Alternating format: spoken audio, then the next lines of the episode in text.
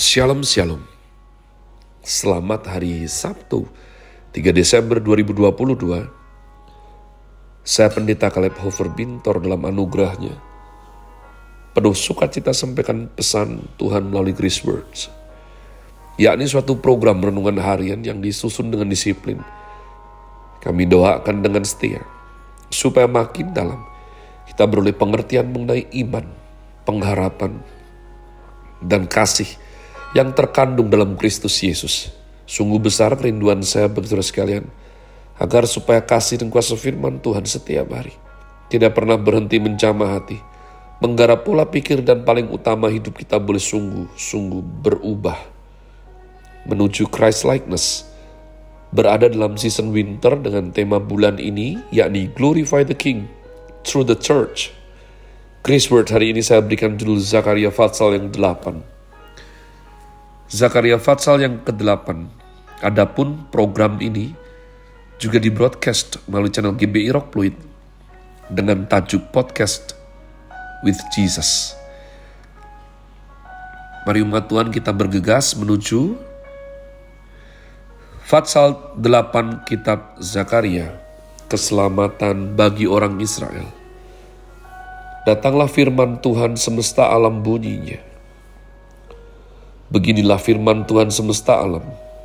Aku berusaha untuk Sion dengan kegiatan yang besar dan dengan kehangatan amarah yang besar.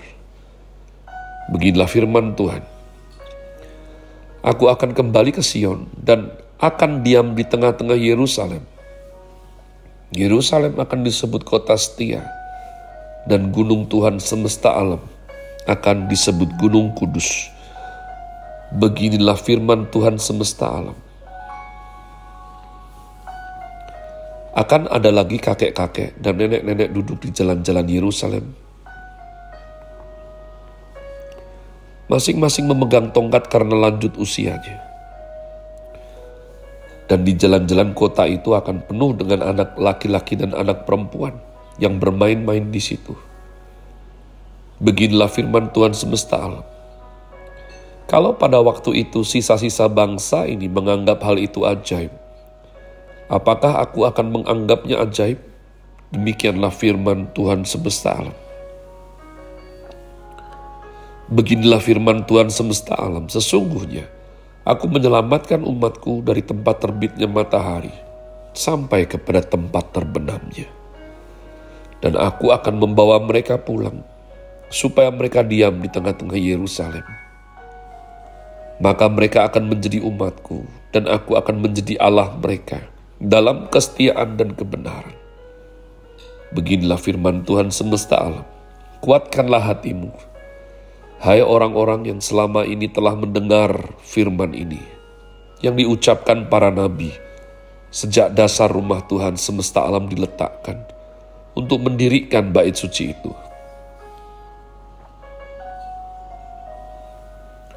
Sebab sebelum waktu itu tidak ada rezeki bagi manusia, juga tidak bagi binatang. Dan karena musuh tidak ada keamanan bagi orang yang keluar dan bagi orang yang masuk. Lagi pula aku membuat manusia semua bertengkar. Tetapi sekarang, aku tidak lagi seperti waktu dahulu terhadap sisa-sisa bangsa ini. Demikianlah firman Tuhan semesta alam. Melainkan aku akan menabur damai sejahtera maka pohon anggur akan memberi buahnya, dan tanah akan memberi hasilnya, dan langit akan memberi air embunnya. Aku akan memberi semuanya itu kepada sisa-sisa bangsa ini sebagai miliknya.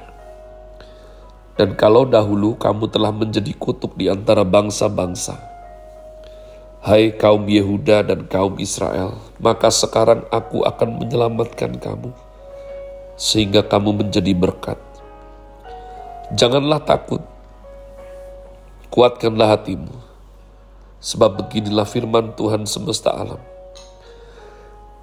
Kalau dahulu aku telah bermaksud mendatangkan malapetaka kepada kamu, ketika nenek moyangmu membuat aku murka dan aku tidak menyesal, firman Tuhan semesta alam. Maka pada waktu ini aku kembali bermaksud berbuat baik kepada Yerusalem dan kepada kaum Yehuda, janganlah takut. Inilah hal-hal yang harus kamu lakukan. Berkatalah benar seorang kepada yang lain. Dan laksanakanlah hukum yang benar, yang mendatangkan damai di pintu-pintu gerbangmu. Janganlah merancang kejahatan dalam hatimu seorang terhadap yang lain. Dan janganlah mencintai sumpah palsu. Sebab semuanya itu ku benci. Demikianlah firman Tuhan. Datanglah firman Tuhan semesta alam kepadaku bunyinya. Beginilah firman Tuhan semesta alam. Waktu puasa dalam bulan yang keempat, dalam bulan yang kelima, dalam bulan yang ketujuh, dan dalam bulan yang kesepuluh, akan menjadi kegirangan dan sukacita, dan menjadi waktu-waktu perayaan yang menggembirakan bagi kaum Yehuda. Maka cintailah kebenaran dan damai Ayat 20 keselamatan bagi bangsa-bangsa. Beginilah firman Tuhan semesta alam. Masih akan datang lagi bangsa-bangsa dan penduduk banyak kota. Dan penduduk kota yang satu akan pergi kepada penduduk kota yang lain mengatakan, Marilah kita pergi untuk melunakkan hati Tuhan dan mencari Tuhan semesta alam.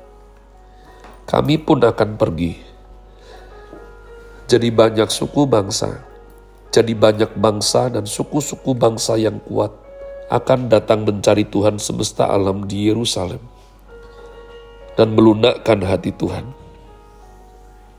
Beginilah firman Tuhan semesta alam. Pada waktu itu sepuluh orang dari berbagai-bagai bangsa dan bahasa akan memegang kuat-kuat punca jubah seorang Yahudi dengan berkata, Kami mau pergi menyertai kamu sebab telah kami dengar bahwa Allah menyertai kamu.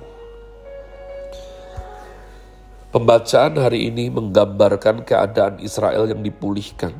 Pulihnya Israel, sebagaimana kita pernah bahas sebelumnya, akan terjadi dalam dua penggenapan. Yang pertama bersifat sementara, ya. Saya sudah bahas ini beberapa waktu yang lalu, yakni ketika umat Israel pulang di bawah kepemimpinan Zerubabel dan Yosua, imam besar. Tetapi mereka masih menantikan penggenapan final yakni datangnya Mesias. Sang Mesias inilah yang akan memulihkan segala sesuatu di Israel. Dialah yang akan membawa umat Israel kembali setia kepada Allah. Dan dia yang akan membawa kerajaan damai sampai ke seluruh bumi. Penggenapan yang pertama menjadi awal dari penggenapan yang kekal. Israel harus kembali dulu ke daerah mereka dan bait suci harus dibangun dulu. Barulah Kristus datang menyatakan kerajaannya di tengah-tengah Israel. Ayat yang kedua mengatakan bahwa yang akan bekerja giat untuk memulihkan kembali Israel adalah Tuhan sendiri. Dialah yang berusaha untuk Sion dengan kegiatan yang besar. Tuhan akan memulihkan mereka, bukan hanya secara fisik. Tuhan tidak hanya membuat mereka kembali ke daerah mereka, membuat mereka kembali memiliki bait suci, tetapi Tuhan juga membuat hati mereka kembali kepada Tuhan. Tuhan mengaruniakan kepada mereka setia, sehingga seluruh bangsa-bangsa melihat dedikasi Israel bagi Tuhan dan kesetiaan Tuhan akan menjadi nyata dengan usia panjang dari orang-orang Israel. Usia panjang tentu saja tidak berguna jika dihabiskan di pembuangan. Di pembuangan umat Tuhan itu akan selalu ada kerja paksa, ya. Maka orang-orang yang sudah tidak produktif itu akan dibunuh. Jadi penggambaran ini bahwa akan ada opa-oma kakek nenek yang berumur panjang. Harus ada ketentraman dan kesehatan, cukup gizi, sehingga sampai ada kakek nenek. Kalau engkau punya opa oma, kakek nenek, sayangi mereka. Jangan lupa, jangan lupa akar. Ya, dan dikatakan ada anak-anak laki-laki, anak-anak perempuan umat Tuhan. Tentu saja berkeluarga itu membutuhkan suatu situasi yang kondusif umat Tuhan. Dan ini semua gambaran daripada damai sejahtera yang Tuhan kerjakan. Ayat 9-10 mengkontraskan keadaan Israel pada waktu mereka akan dibuang dengan pada waktu mereka kembali dari pembuangan. Ini harusnya menjadi perbandingan sehingga semua orang termasuk kita ya sadar betapa besar anugerah yang kita terima dari Tuhan. Perbandingan sebelum dan sesudah. Perbandingan antara murka Tuhan waktu Israel dibuang dengan firman yang lemah lembut penuh penghiburan yang diberikan Tuhan pada waktu mereka kembali dari pembuangan. Seperti orang dapat menikmati tenangnya langit sehabis digempur hujan badai yang bertubi-tubi. Langit yang tenang terasa sangat tenang. Dan orang yang bisa menghargai ketenangan tersebut karena melihat keadaan sebelumnya. Guru menggelegar halilintar menyambar dari sebuah badai yang betul-betul memporak-porandakan segalanya. Saya berdoa agar saya dan engkau sungguh mengasihi Tuhan dan dapat melihat betapa kacaunya hidup kita tanpa Tuhan, dan betapa Tuhan berkarya, membela, menata, dan memelihara hidup kita sehingga baik adanya. Have a nice day. Tuhan Yesus memberkati saudara sekalian. Sola. Grazie.